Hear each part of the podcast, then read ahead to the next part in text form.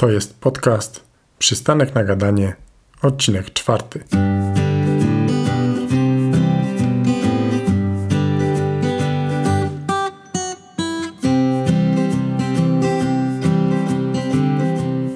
Cześć, witam Cię serdecznie w czwartym odcinku podcastu. Dzisiaj opowiem Wam o tym, jak przygotować się do kilkudniowego trekkingu, do takiej wyprawy survivalowej z dala od cywilizacji. Na początek opowiem trochę o swoim doświadczeniu, o moich wyprawach, szczególnie o wyprawie do Szwecji, która stanowi główną podstawę dla tego odcinka. Następnie zajmę się szczegółowo przygotowaniami do takiego wyjazdu. Przygotowania podzieliłem na trzy części: przygotowanie sprzętu i spakowanie plecaka, wyżywienie podczas takiej wyprawy i wszystko pozostałe. Pod koniec odcinka podzielę się luźnymi przemyśleniami dotyczącymi trekkingów z dala od cywilizacji i podam Wam też takie jeszcze ogólne, inne porady, które przyszły mi do głowy, a niekoniecznie zaliczają się do przygotowań. Piękno natury to jeden z głównych powodów, dla których podróżuję. Praktycznie moja każda wyprawa związana jest z jakimiś trekkingami, czy to mniejszymi, czy większymi. Po górach i z dala od cywilizacji chodziłem w wielu krajach, między innymi w Polsce, w Norwegii, na Islandii, w Kazachstanie, Kirgistanie, w Gruzji i przede wszystkim w Szwecji. To ta wyprawa była taką powiedzmy najbardziej hardkorową i najbardziej dziką ze wszystkich, jakie odbyłem. Właśnie na niej najwięcej się nauczyłem i chciałbym Wam opowiedzieć o tym, jak skutecznie i prawidłowo przygotować się do takiej wycieczki, na co zwrócić uwagę, o czym trzeba koniecznie pamiętać przy planowaniu trasy, których elementów ekwipunku nie możemy zapomnieć i ile kalorii dziennie powinniśmy spożywać. Celem wyprawy do Szwecji był Park Narodowy Sarek. Park leży ten na terenie Laponii. Jest położony na granicy koła podbiegunowego i jest zaledwie 50 km od granicy z Norwegią. Jest bardzo blisko Lofotów. Wyprawa do tego parku była dla mnie swego rodzaju marzeniem. Osobą, która najbardziej zainspirowała mnie do podróży i pokazała, że zwiedzanie świata jest naprawdę niesamowite, był mój nauczyciel z geografii. Profesor w liceum bardzo często opowiadał nam o swoich podróżach. Jest to niesamowity człowiek. Leszek jeździł rowerem po Uzbekistanie. Spędził rok w Ameryce Południowej. Łowił tam ryby, pasł owce. Dużo kręcił się też po Syberii. Bardzo często na zajęciach z geografii opowiadał nam o swoich podróżach. Co roku, a czasami co dwa lata, w zasadzie regularnie organizował takie wycieczki dla uczniów w szkole na oglądanie zorzy w Skandynawii. Bardzo często była to Szwecja, Norwegia, Finlandia, czasem nawet Islandia.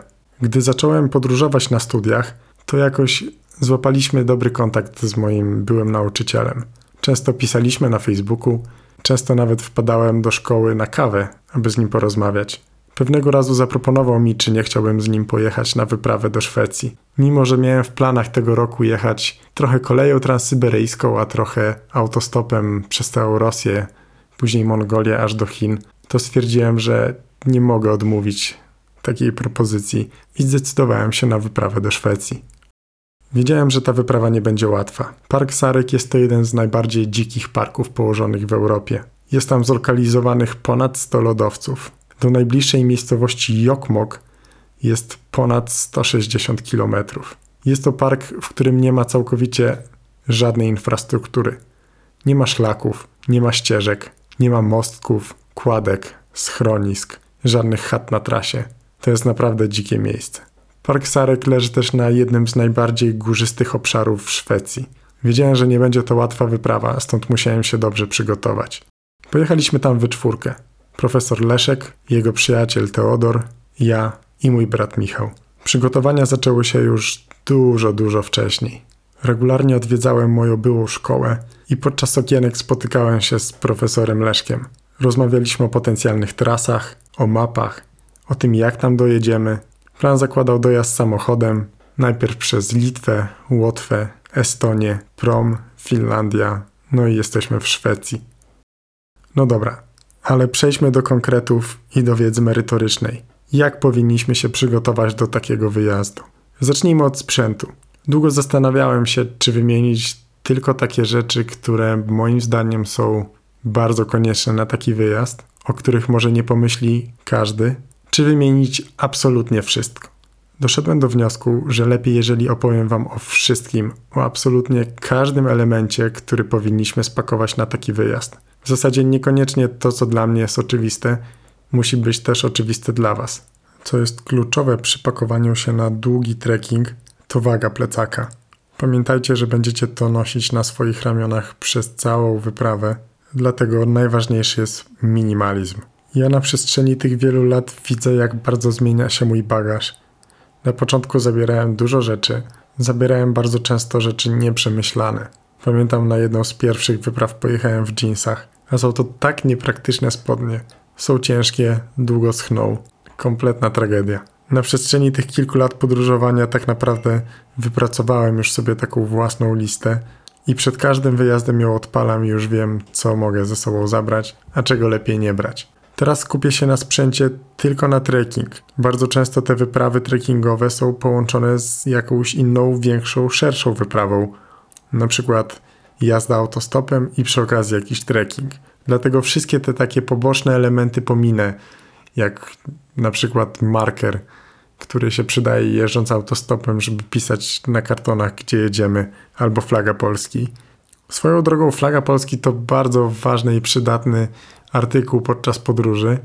Już niejednokrotnie uratowała mi życie.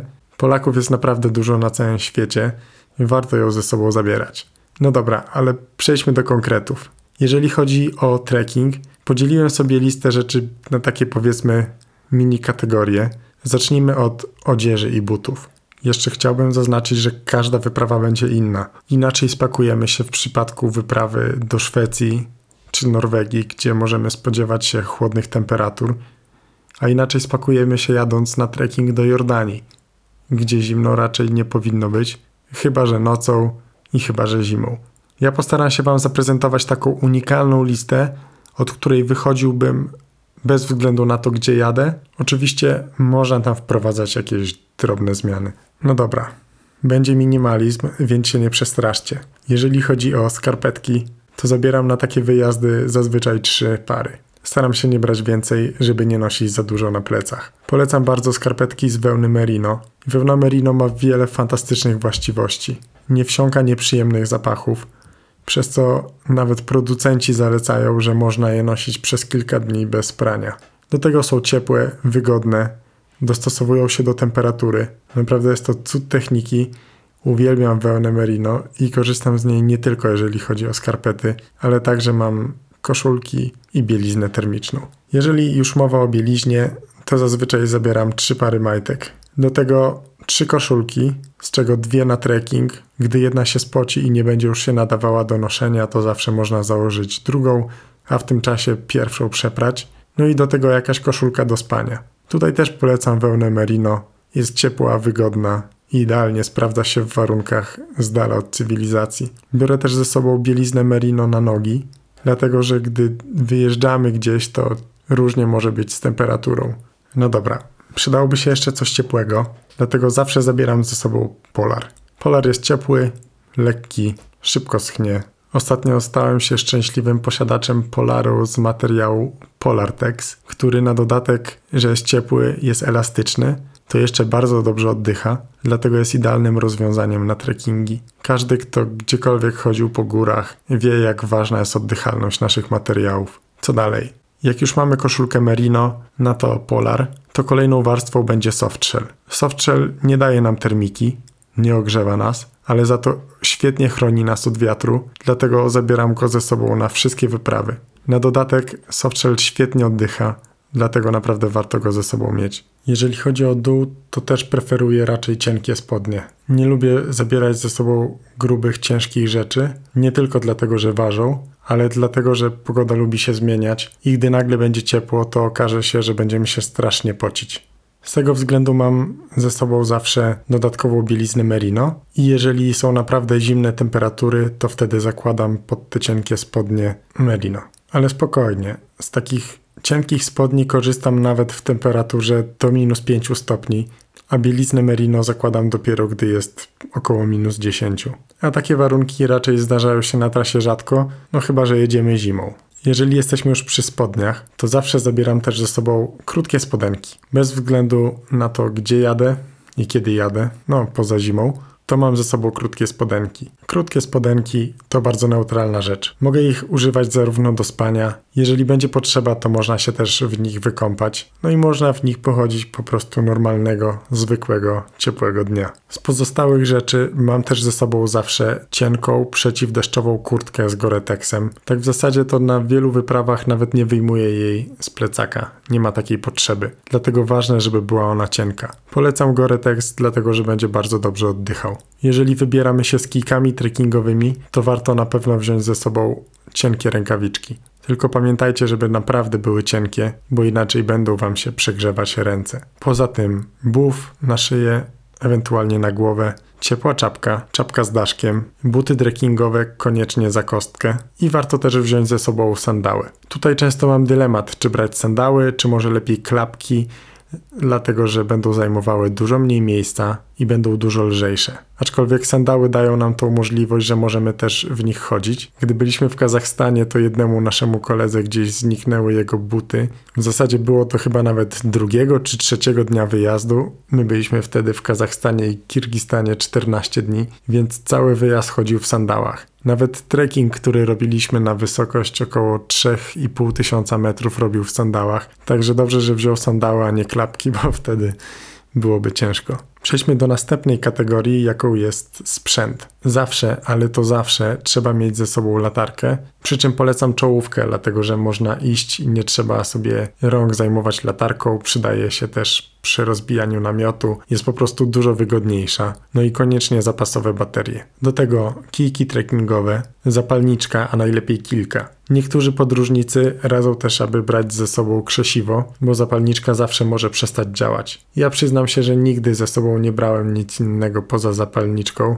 i całe szczęście jakoś to działa. Chociaż zawsze biorę ich kilka. Dalej plecak. Jak duży plecak na taką wyprawę? To tak naprawdę zależy od tego, na jak długo idziesz i jak często będziesz mógł uzupełniać zapasy. Jeżeli wybierasz się na wyprawę, podczas której będziesz mógł co kilka dni uzupełniać prowiant, to ten plecak nie musi być bardzo duży. Jeżeli jednak będziesz robił taką wyprawę, tak jak ja wtedy w Szwecji, czyli 14 dni bez dostępu do jakiejkolwiek cywilizacji, to warto mieć plecak około 70-80 litrów. Ja pamiętam, że miałem wtedy 60 i naprawdę się męczyłem. Polecam też wziąć matę samopompującą zamiast karimaty, dlatego że dużo lepiej izoluje nas od podłoża. Pamiętam, że mata samopompująca była jednym z moich pierwszych zakupów, które dokonałem, gdy zaczynałem podróży i naprawdę nie żałuję. Budząc się po nocy na karimacie, czujemy przez cały dzień, że spaliśmy na karimacie. Natomiast mata daje nam ten komfort, że naprawdę jest dużo, dużo wygodniej. Do tego pompuje się sama.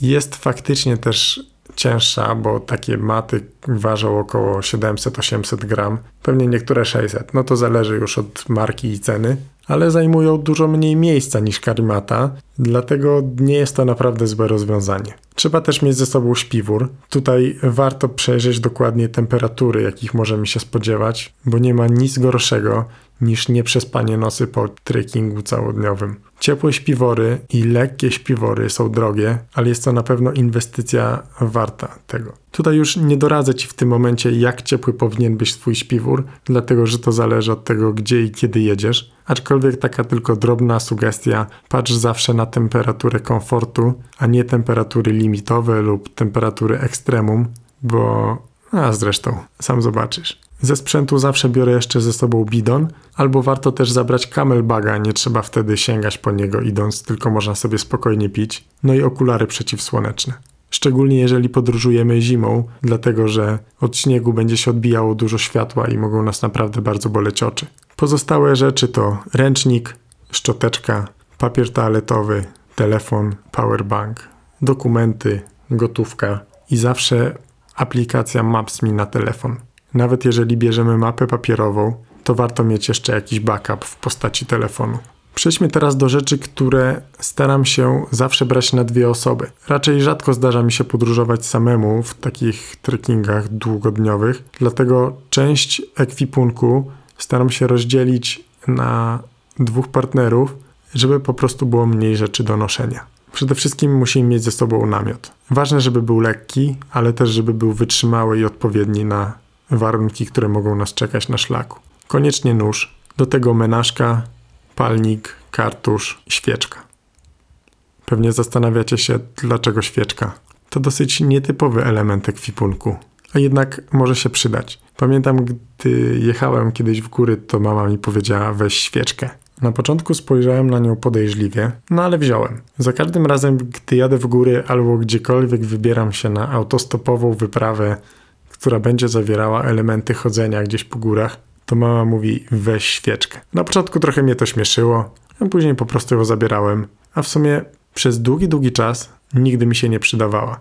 Nawet często się zastanawiałem, po co ja biorę tą świeczkę, dodatkowy grat w plecaku, a tak bardzo patrzę przecież na tą uwagę. A jednak, jeżeli będziecie kiedyś w trudnych warunkach, gdzie ciężko jest wam rozpalić ognisko, to świeczka okaże się dla was zbawieniem.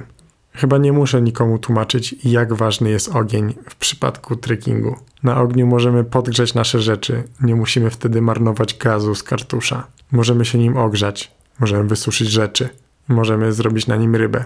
No, ogień jest po prostu niezbędny. I w trudnych warunkach, kiedy ciężko jest zebrać jakieś suche patyczki, kiedy po prostu jest wilgotno, albo jesteśmy gdzieś wysoko, to dzięki świeczce mamy naprawdę dużo większe szanse na rozpalenie ogniska. Gdy byliśmy w Kazachstanie i robiliśmy trekking na jeziora Kolsaj, które są dosyć wysoko one, to pierwsze zaczyna się na wysokości 1800 metrów, drugie jest na 2300 i trzecie na 2850. To były bardzo ciężkie warunki pogodowe. Znaczy, ciężkie na rozpalenie ogniska. Długo padał deszcz, było wilgotno. Gdy rano wstaliśmy z namiotów, to chcieliśmy się ogrzać. Pozbieraliśmy z chłopakami patyczki i drewno, próbowałem rozpalić ognisko. I powiem wam, że tak jak zawsze rozpalam ognisko, a uwielbiam to robić i robię to często w wielu różnych miejscach. No i powiem wam, że tamtego dnia nie mogłem rozpalić ogniska. Starałem się, próbowałem, męczyłem się. Nawet na chwilę mi się udało, ale zaraz zagasło. Wtedy przypomniało mi się, że w plecaku mam ze sobą przecież świeczkę. No i włożyłem tą zapaloną świeczkę do ogniska. Ona się tak powoli paliła, paliła. No i podpaliły się wreszcie większe kawałki i mogliśmy trochę posiedzieć przy ciepłym ogniu. Także kontynuując, poza świeczką uważam, że jeszcze warto wziąć ze sobą sztućce. Ja zawsze też biorę zeszyt do pisania i jakiś długopis. Lubię czasem spisywać swoje myśli w podróży, chociaż często nie ma na to czasu. Biorę też zawsze aparat i zapasowe karty pamięci, mydło do prania, zestaw awaryjny, czyli mała taśma, klej superglue, igła, nitka. W takich podróżach też często ciężko jest się umyć, dlatego warto wziąć ze sobą mokre chusteczki, papier toaletowy, pastę do zębów, żel, dezodorant. Z takich też mniej oczywistych rzeczy wożę zawsze ze sobą sznurek. Mam ze sobą około 4 metrów cienkiego sznurka z Decathlonu i przydaje mi się za każdym razem. Ja na przykład bardzo często korzystam z niego, żeby wywiesić pranie, ale można wykorzystać go absolutnie do naprawdę wielu rzeczy. Nawet na przykład gdy idziemy i na trasie jest bardzo mało drewna i wiemy, że gdy rozbijemy namiot, to ciężko nam będzie skompletować wystarczającą ilość drewna, to idąc na szlaku można zbierać sobie patyczek po patyczku i zamiast nosić je w rękach, można po prostu związać je wszystkie razem i nieść je w jednej ręce. Do tego zawsze mapa, kompas, jakiś czytnik na wieczory, nitka dentystyczna. Nienawidzę uczucia, gdy coś mi wejdzie między zęby i nie mogę tego wyciągnąć. A do tego też jest twarda, ciężko jest ją przerwać, dlatego może się do czegoś przydać. No i kolejna mniej oczywista rzecz, ale jedna z najważniejszych to worki na liście. Zaraz, zaraz. Po co nam worki na liście? Przecież nie jedziemy zbierać liści do lasu. Dzisiaj bardzo często, gdy kupujemy plecaki Deutera, Ospreya czy jakiejkolwiek innej znanej marki, to bardzo często producent oferuje nam pokrowiec na plecak. No owszem, taki pokrowiec się przyda. Jak pokropi mrzawka, to nawet ochroni te rzeczy w środku. Ale kilkukrotnie podczas ciężkich warunków miałem okazję się przekonać, że taki pokrowiec to pis na wodę. Pamiętam wtedy w Szwecji szliśmy około 10 godzin bez przerwy i cały czas lało. Pamiętam, że jako jedyny nie miałem wtedy swoich ubrań spakowanych do worka na śmieci. Dlatego, gdy tylko dotarliśmy do namiotów, tu miałem absolutnie wszystko mokre, włącznie ze śpiworem. To była dla mnie duża lekcja. Dzisiaj na śpiwór noszę ze sobą specjalny worek, taki wodoodporny, ponieważ uzbroiłem się w śpiwór puchowy. One bardzo nie lubią wilgoci, ale wciąż wszystkie ubrania pakuję w nieprzemakalne, grube worki na liście, bo pokrowiec to raczej sobie z tym nie poradzi. Apteczka. Nie wyobrażam sobie nawet wyjazdu na weekend w góry bez apteczki. Oczywiście nie ma też co przesadzać i zabierać zbyt dużo rzeczy, ale moim zdaniem na takie wyprawy, czy to jedziemy na weekend, czy jedziemy na dziesięciodniowy trekking do Szwecji, trzeba mieć ze sobą folię życia, tak zwaną folię NRC. Ja zabieram jeszcze ze sobą zwykły bandaż, dwie sztuki, dwie sztuki bandażu elastycznego, jakieś gazy, plastry, do tego zwykłe leki przeciwbólowe, ibuprofen, coś tego typu. Warto też mieć mocny przeciwbólowy środek na wypadek, gdybyśmy złamali nogę i byśmy musieli czekać długo na pomoc. Warto też wziąć coś na zbicie gorączki, na zatrucie. Jeszcze tak w ramach uzupełnienia, ja lubię brać ze sobą witaminę C, którą codziennie biorę na wzmocnienie organizmu, magnez. Jeżeli jedziemy w regiony, których możemy spotkać kleszcze, to warto też wziąć jakiś taki środek na kleszcze, coś, czym będziemy mogli go wyciągnąć w zasadzie. Wapno. I fajnym pomysłem też są witaminy rozpuszczalne, czy to jakieś takie multivitamina, czy cokolwiek innego, dlatego że podczas takich wypraw prawdopodobnie przez większość czasu będziemy pili wodę z rzeki albo z jeziora i taka woda jest dobra, jest smaczna, ale po pewnym czasie się robi mniej smaczna. Wtedy zawsze można sobie do bidonu wrzucić taką jedną tabletkę i nadaje to od razu smaku wodzie. I ostatnia rzecz, chociaż to bardzo zależy od tego, gdzie jedziesz, ale my jadąc do Szwecji mieliśmy ze sobą wędkę. Mała, cienka, lekka wędka. Gdy jedziemy w takie miejsca jak północ Skandynawii, to naprawdę warto mieć ją ze sobą. Mimo, że naprawdę nie znam się na łowieniu ryb i jestem totalnym żółtodziobem, to nawet gdy teraz w zeszłe wakacje byłem wraz e, z moją narzeczoną na Lofotach, to wziąłem jakąś starą, nawet połamaną wędkę z garażu z nadzieją, że może uda mi się coś złowić. Przed wyjazdem poszedłem tylko do sklepu wędkarskiego, kupiłem nową żyłkę, haczyki, no i kilka razy zarzuciłem wędkę i się okazało, że udało mi się złowić rybę. Tak samo też i wtedy w Szwecji wielokrotnie łowiliśmy ryby. Czasem skutecznie, czasem nie. A taka ryba to jest naprawdę niesamowite poratowanie dodatkowymi kaloriami podczas takiej wyprawy, dlatego że staramy się też ograniczyć to jedzenie, żeby nie nosić go za dużo. No i do tego jest bardzo smaczna. Tutaj też y, powiem Wam taką ciekawostkę, że ja przez całe życie nie lubiłem ryb.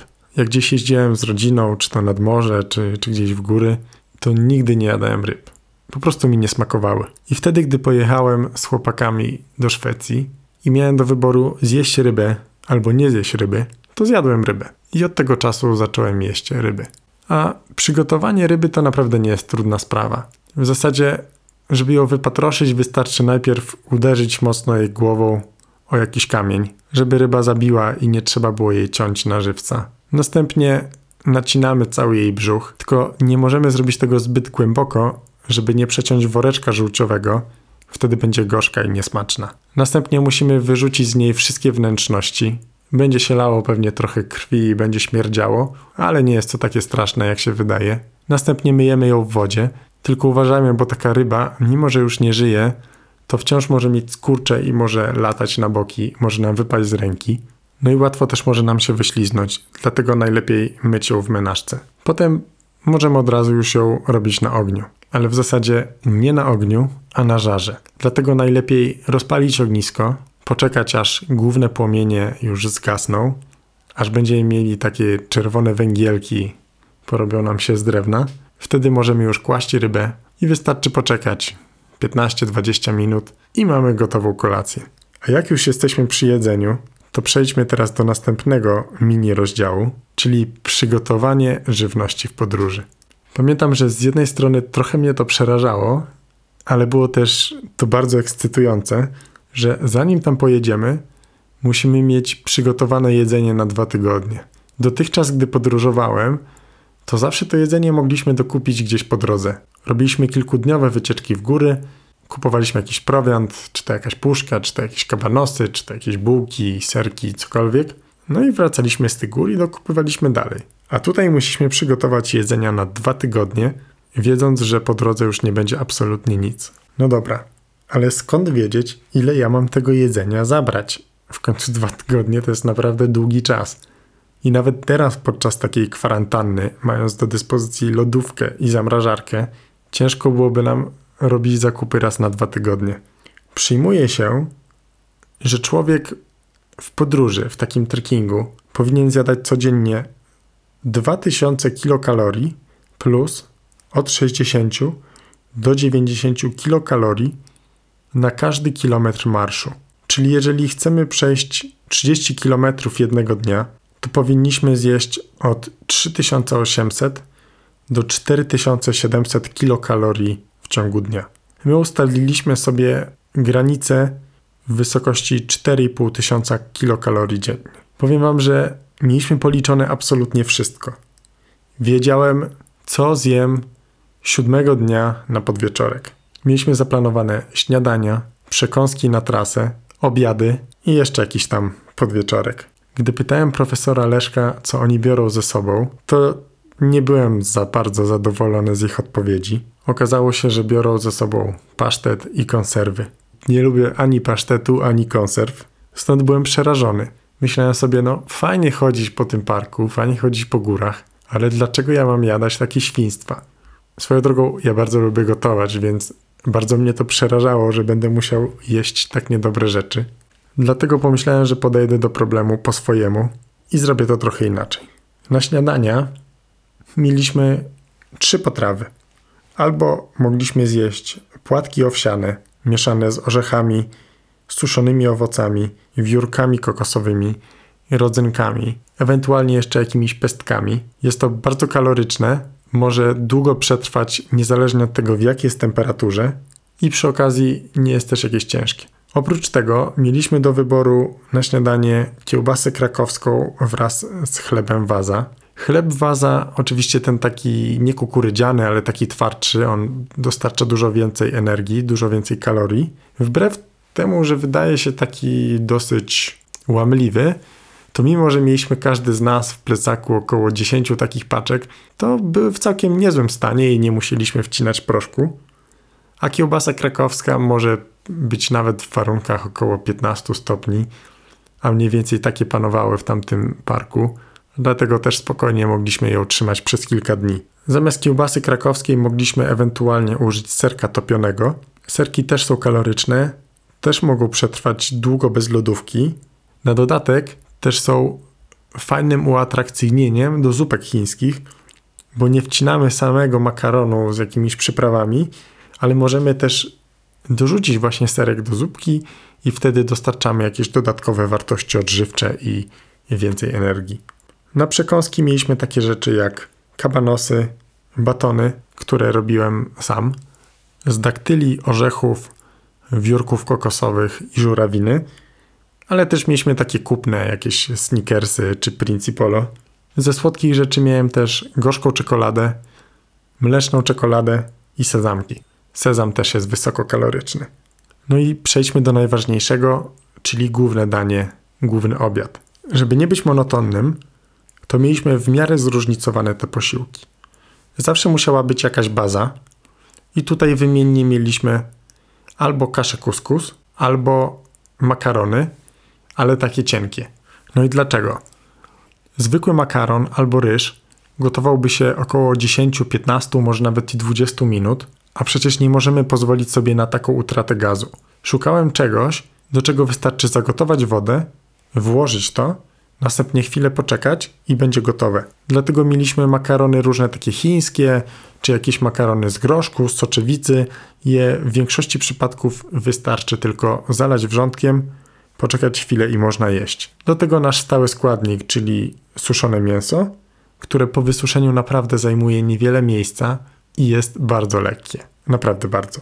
Żeby jednak też było trochę smacznie, to mieliśmy do tego kilka dodatków. Praktycznie za każdym razem dorzucaliśmy do tego skrojony czosnek i suszone pomidory. Zarówno czosnek, jak i pomidory mogą przetrwać w takich warunkach bardzo długo, nie potrzebują one lodówki i są lekkie. Myślałem też przez chwilę o cebuli. Jestem wielkim fanem cebuli, ale cebule byłyby za ciężkie, więc zostało mi się cieszyć tylko czosnkiem i pomidorami. Żeby jednak danie nie było zbyt suche, to mieliśmy ze sobą sosy w torebce. Taki zwykły sos knora, czy taki sos serowy, czy sos boloński, sos do spaghetti, sos do carbonary. Mieliśmy naprawdę duży wybór. I mieszając zarówno tą podstawę, jak i te sosy, mogliśmy wyjść naprawdę na całkiem ciekawe dania. Tutaj też pamiętam, że chyba nie zawsze korzystaliśmy z suszonego mięsa, ale też mieliśmy ze sobą różne kiełbasy krakowskie, e, różne odmiany i też wspomagaliśmy się tą kiełbasą, żeby mieć to jeszcze bardziej uatrakcyjnione. Mieliśmy też ze sobą pesto, dlatego że pesto też jest kaloryczne i też można zjeść e, łatwy, szybki posiłek, który może przetrwać w ciepłych warunkach bez lodówki w długim czasie. Jeżeli chodzi o jedzenie, to wydaje mi się, że to wszystko, co chciałem Wam powiedzieć. Więc przejdźmy jeszcze do takich innych przygotowań, co jeszcze bym każdemu doradził przed wybraniem się na kilkudniowy trekking. Myślę, że warto wiedzieć, na co się piszemy. Czyli przede wszystkim musimy znać miejsce, w które się wybieramy. Warto poczytać o nim, czy to w przewodniku, czy w blogosferze. Naprawdę teraz świat jest tak dostępny, jest tyle wiedzy. Wystarczy wpisać w internecie i możemy znaleźć wiele artykułów, zarówno w polskiej blogosferze, jak i w anglojęzycznej. Przy czym polecam nie ograniczać się tylko do polskiej, bo kilkukrotnie było tak, że szukałem jakiejś informacji, nie mogłem jej znaleźć i dopiero po przełączeniu się na angielskie blogi udało mi się znajdywać jakieś informacje. Warto też znać własne możliwości. Jeżeli nigdy nie wybieraliśmy się w dziesięciodniowy trekking w góry, to nie zaczynajmy od czegoś takiego. Pojdźmy najpierw na weekend, gdzieś blisko po Polsce, poznajmy swoje umiejętności, możliwości i dopiero wtedy idźmy dalej. Ja na przykład bardzo często mam problem z kolanami. Mimo, że regularnie chodzę po górach, mimo, że staram się ćwiczyć, to po prostu mam z nimi problemy. Dlatego też warto mieć lekki plecak, żeby nie obciążać ich jak najbardziej. Warto chodzić też z kijkami, dlatego że one odciążają nam stawy kolanowe. Dlatego po prostu znajmy swój organizm. Musimy też wiedzieć, na co nas po prostu stać. Dlatego jeżeli czujesz, że chcesz zrobić jakąś cięższą wyprawę, dłuższą wyprawę, chodzić więcej w górę niż po płaskim, to po prostu przygotuj się do tego fizycznie. Pobiegaj, rób ćwiczenia siłowe na kolana, ćwiczenia wytrzymałościowe. Wzmocnij to, co może ci w podróży szwankować. Co wydaje mi się kluczowe też przy takiej podróży, to umiejętność rozpalania ogniska. Także popróbuj sobie w domu i nie waż się wyjeżdżać, jeżeli nie opanowałeś tej umiejętności naprawdę dobrze. Bez ognia w podróży będzie nam bardzo ciężko cokolwiek zrobić. Powiem wam, że na przykład trochę uratowało mnie to na Lofotach, gdy byliśmy z Zuzią. Ja mam taką trochę niewdzięczną kuchenkę gazową, dlatego że jest to kuchenka firmy francuskiej z click systemem, czyli nie pasują do niej wszystkie kartusze. W zasadzie ten system jest bardzo popularny w całej Europie, szczególnie w Europie Zachodniej. Natomiast w Skandynawii prawie nigdzie nie można znaleźć takich kartuszy. Ja wiedziałem, że będzie nam ciężko znaleźć taki kartusz, ale liczyłem, że jednak nam się uda. Będąc na Lofotach odwiedzaliśmy wszystkie, absolutnie wszystkie sklepy, w których moglibyśmy znaleźć taki kartusz, ale nigdzie go nie było. Miałem ze sobą jakąś resztkę starej butli z Polski, ale wiedziałem, że starczy nam to na 30 minut gotowania. Biorąc pod uwagę fakt, że byliśmy tam dwa tygodnie, to było to zdecydowanie za mało. Dlatego oszczędzaliśmy gaz na krytyczne momenty, a codziennie gotowałem na ogniu. Pamiętam nawet mieliśmy taki jeden dzień chillowania nad jeziorem w miejscowości O, to już jest na samym końcu Lofotów. Wtedy rozpalałem ognisko jednego dnia chyba sześć razy. Najpierw rano na herbatę, później rano na drugie śniadanie, później na obiad, na jakąś zupkę, potem znowu na herbatę. I jeżeli bym tego nie lubił robić, jeżeli bym miał z tym problem, no to byłoby po prostu ciężko. Jeżeli planujecie robić jakieś trekkingi, a nie macie doświadczenia, to polecałbym Wam zacząć od trekkingów z kimś znajomym, z kimś, kto ma trochę więcej doświadczenia, a dopiero potem realizację większych wypraw. Kurczę, jakoś tak wyszło, że strasznie mało Wam opowiedziałem o tej Szwecji. Przyznam Wam się, że Park Sarek nas przerósł. Nie zrobiliśmy tej trasy, którą planowaliśmy zrobić. Nie daliśmy rady. Pogoda nas powaliła. Gdy po kilku dniach dojazdu dojechaliśmy wreszcie do parku Sarek, przekroczyliśmy jego granicę, zostawiliśmy samochód i stwierdziliśmy, jeszcze nie wyruszamy. Spędźmy jeszcze jedną noc przy samochodzie, oswoimy się tutaj z tym klimatem, ponapawajmy się trochę widokami. Jest już późno, ruszymy następnego dnia rano. Wszyscy byliśmy niesamowicie podekscytowani. Te otaczające widoki były przepiękne. W oddali nawet widzieliśmy kilka razy renifery. Nad ranem, gdy się obudziliśmy, spakowaliśmy nasze namioty, przygotowaliśmy jedzenie i ruszyliśmy w trasę. Pogoda była ciężka. Padało, była taka mrzawka, chmury, zimno, nieprzyjemnie. Plecak, mimo że był strasznie ciężki, bo ważył około 20 kg, może nawet więcej, to pierwsze co pomyślałem po jego założeniu, kurczę, nie jest tak źle. Ten cały sprzęt, o którym wam opowiedziałem, ważył około 11 kg. Mało. Ale kolejne 10 albo nawet 15 kg to było jedzenie. Pocieszające było to, że z każdym dniem będzie coraz lżej. Park Sarek okazał się być trudny już od samego początku. Tak jak wspominałem, nie ma tam żadnych szlaków ani ścieżek. Szliśmy po prostu przed siebie. Dla mnie to było coś niewyobrażalnego. Serio, byłem bardzo zaskoczony. Gdziekolwiek bym nie był, to zawsze była jakaś ścieżka. A tutaj szliśmy po prostu przed siebie. To było bardzo ciężkie.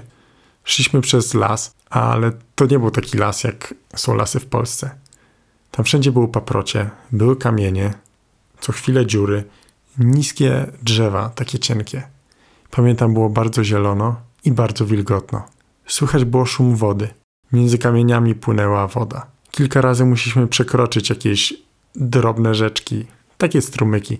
Wystarczyło stanąć na kamień, podeprzeć się kijkami i można było iść dalej.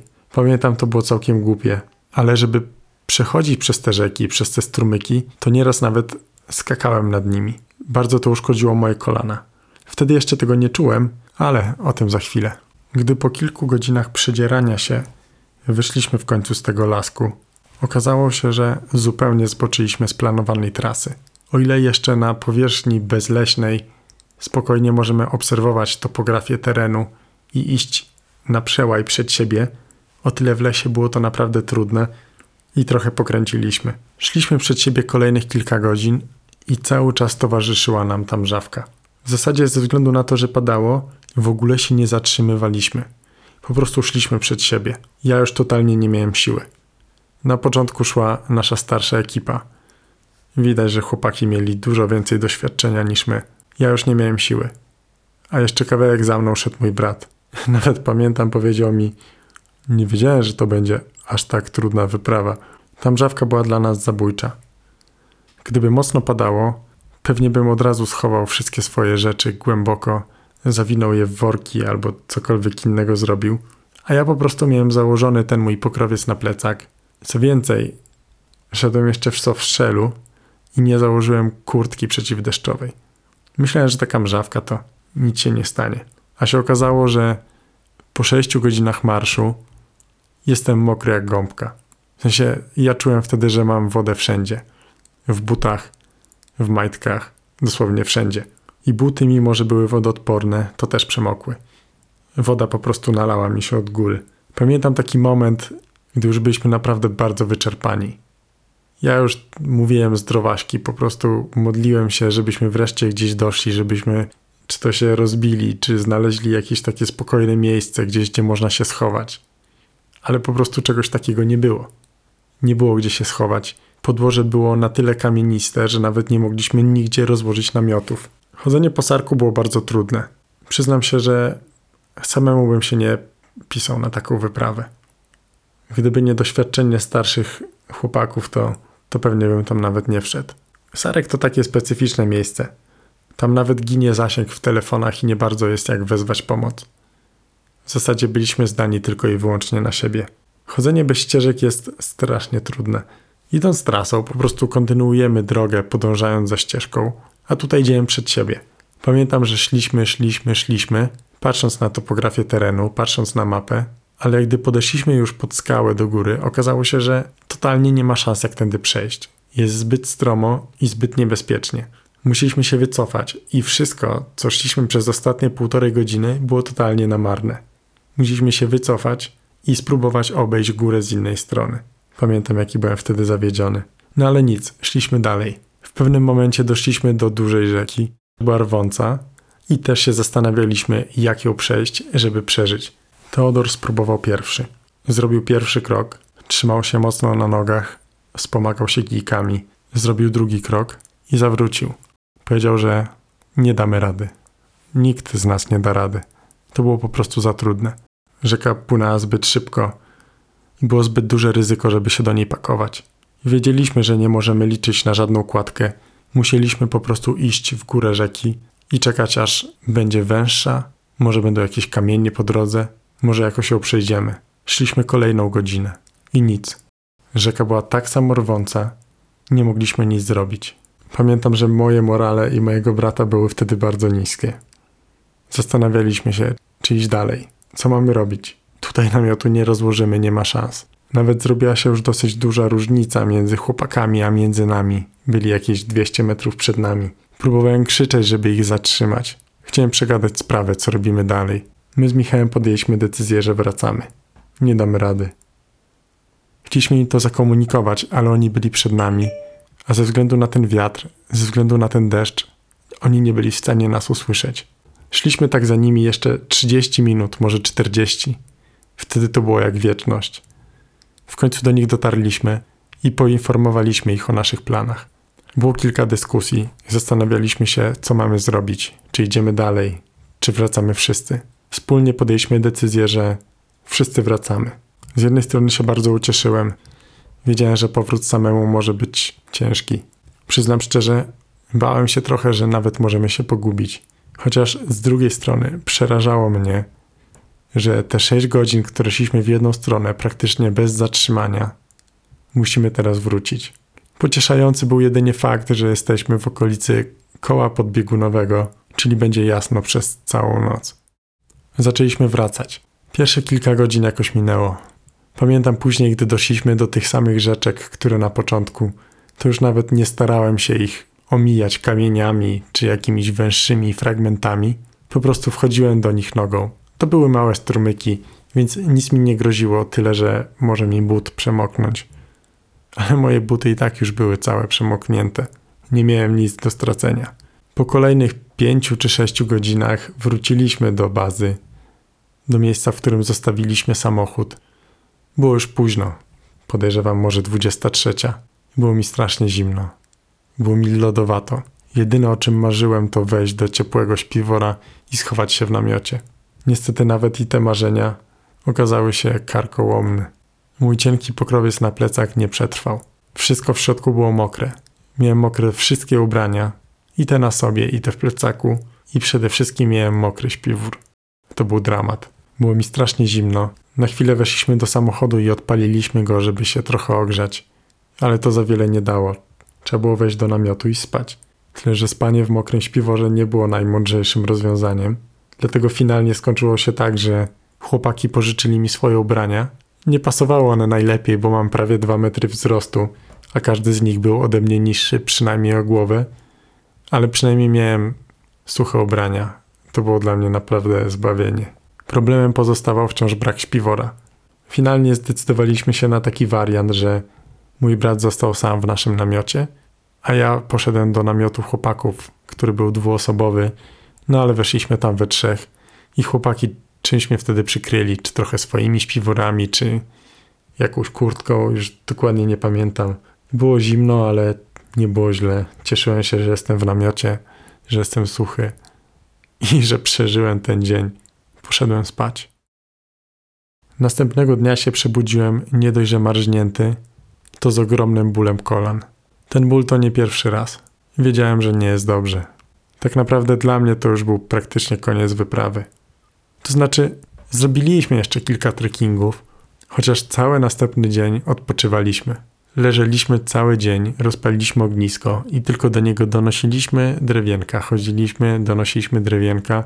Cały Boży dzień leżeliśmy przy samochodzie, na naszych karimatach. Pamiętam, świeciło ładne słonko. Ogrzewaliśmy się przy ognisku i suszyliśmy nasze rzeczy. Tutaj taka też cenna wskazówka dla wszystkich podróżników. My oczywiście już wtedy to wiedzieliśmy, ale Nigdy nie suszcie rzeczy, które mają membrany, czyli wszystkie kurtki przeciwdeszczowe i buty, zbyt blisko ognia. Zbyt wysoka temperatura jest zabójcza dla membran i może po prostu je zniszczyć. Dlatego lepiej już mieć wilgotne, mokre, ale nie zniszczyć tej wodoodporności na przyszłość. Pamiętam ten dzień odpoczynku był niesamowity. Rozwiesiliśmy wszystkie nasze ubrania na dużym drzewie, które było pomiędzy naszymi namiotami i wylegiwaliśmy się na tych karimatach przy ognisku. W pewnym momencie nawet przeszło dosłownie obok nas, tak na wyciągnięcie ręki, jakbym, no dobra, ręki przesadzam, ale na wyciągnięcie długich grawi, stado reniferów. Dosłownie, było ich ze 30 albo może nawet i więcej. Później jeszcze kilka razy je spotykaliśmy, czy to jadąc już samochodem, jakiś czas później wracając, czy jeszcze na trasie. To był dobry dzień odpoczynku. Następnego dnia moje kolana już czuły się trochę lepiej, dlatego zrobiliśmy jeszcze jednodniowy trekking, ale wspólnie podjęliśmy decyzję, że ten park jest zbyt ciężki jak dla nas. Jeżeli miałoby padać, a w zasadzie takie były prognozy, to nie bylibyśmy w stanie zrobić tej pętelki. Baliśmy się, że po drodze nie będziemy mieli jak się ogrzać. Ciężko w zasadzie też było drewno, żeby codziennie rozpalać ogniska. Dlatego postanowiliśmy robić takie jedno-dwudniowe małe wycieczki, rozbijając gdzieś po prostu bazę, namiot i wychodząc bez ekwipunku. Dzięki temu mieliśmy lżejsze plecaki, braliśmy tylko niezbędny prowiant, mogliśmy przejść więcej, byliśmy bardziej efektywni, mogliśmy więcej chodzić, mniej się męczyliśmy i przede wszystkim mniej obciążaliśmy nasze stawy. Zrobiliśmy jeszcze tak dwie wycieczki i pojechaliśmy drogą, która prowadziła donikąd. Na końcu tej drogi jest mieścina, która nazywa się Ritzem, ale w zasadzie nawet ciężko jest nazwać to mieściną, bo poza kempingiem nie ma tam absolutnie nic. Dojechaliśmy do Ritzem, zobaczyliśmy, że jest kemping i nic poza tym i zawróciliśmy. Jechaliśmy znowu wzdłuż granicy parku, wjechaliśmy w końcu w las, w jakąś małą drogę i rozbiliśmy namioty nad jeziorem. Powiem wam, że to jezioro to był jeden z najpiękniejszych widoków, jakie w życiu widziałem. Zamknijcie oczy i spróbujcie to sobie wyobrazić. Jest ładna pogoda. Świeci słońce. Przed tobą plaża. Z kamieni. Małe, jasne, lekko szarawe kamyczki. Przed sobą widzisz jezioro. Woda jest błękitna. Tak bardzo na północ ta woda jest czysta. Jezioro jest długie. Ma 40 kilometrów. Po drugiej stronie brzegów jest park. Park Sarek. A w parku wysokie szczyty. Ośnieżone, białe. Mimo, że jest sierpień, środek lata, to te szczyty są całe w śniegu. To był jeden z najpiękniejszych widoków, jaki mi towarzyszył tamtego wyjazdu. Zrobił na mnie takie wrażenie, że pamiętam to do dziś. Spędziliśmy tam kolejny dzień. Starsza część ekipy chciała dalej chodzić, ale po tych jeszcze kilku drobnych trekkingach moje kolana wysiadły całkowicie. Miałem nawet problem z przejściem 20 metrów. Postanowiliśmy, że chłopaki pójdą dalej, że oni będą sobie jeszcze gdzieś tam chodzili, a my z bratem zostaniemy. Więc zostaliśmy tak na trzy dni i łowiliśmy ryby. Chłopaki dzień wcześniej pokazali mi, jak się łowi ryby, i wtedy nauczyłem się, jak je patroszyć, jak je przyrządzać na ognisku. Do dzisiaj bardzo cenię sobie tą umiejętność. Dzięki takiemu momentowi właśnie doceniam chwilę, kiedy można się zatrzymać, odpocząć, nacieszyć się po prostu chwilą, miejscem, nie pędzić przed siebie. Tak samo robiliśmy, gdy byłem z Zuzią na Lofotach. Tam też zatrzymaliśmy się w miejscowości O, rozbiliśmy namioty, mieliśmy swoją bazę, swoją drogą też blisko jeziora i robiliśmy sobie takie dzienne przechadzki na pobliskie góry, czy po prostu gdzieś się przejść, albo połowić ryby. Nie zawsze trzeba pędzić przed siebie, czy to w mieście, czy to w górach. Warto po prostu nacieszyć się chwilą. Mimo tego, że nie zrobiliśmy całej pętli w parku Sarek, którą planowaliśmy zrobić, to uważam ten wyjazd za bardzo udany. Była to dla mnie duża lekcja pokory. Nauczyłem się jak łowić ryby, nauczyłem się jak czytać mapę. Myślę, że było to unikalne doświadczenie i dobrze, że byliśmy tam z bardziej doświadczonymi kolegami. Trochę się rozgadałem, także będę już chyba kończył. U mnie też już jest późno, za 10 minut pierwsza, ale tak naprawdę są to jedyne warunki, kiedy mam w domu ciszę i mogę spokojnie nagrywać. Chciałbym Was jeszcze zapytać o jedną rzecz. W przyszłym odcinku chciałbym Wam opowiedzieć o Kazachstanie i Kirgistanie. Zastanawiam się nad dwoma tematami. Czy wolelibyście usłyszeć o najciekawszych naszych przygodach, które nas wtedy spotkały? czy o tych rzeczach, które nas zaskoczyły. Czekam na Wasze odpowiedzi w komentarzach, komentujcie na Facebooku. No to koniec na dzisiaj. Wszystkiego dobrego i do usłyszenia w następnym odcinku.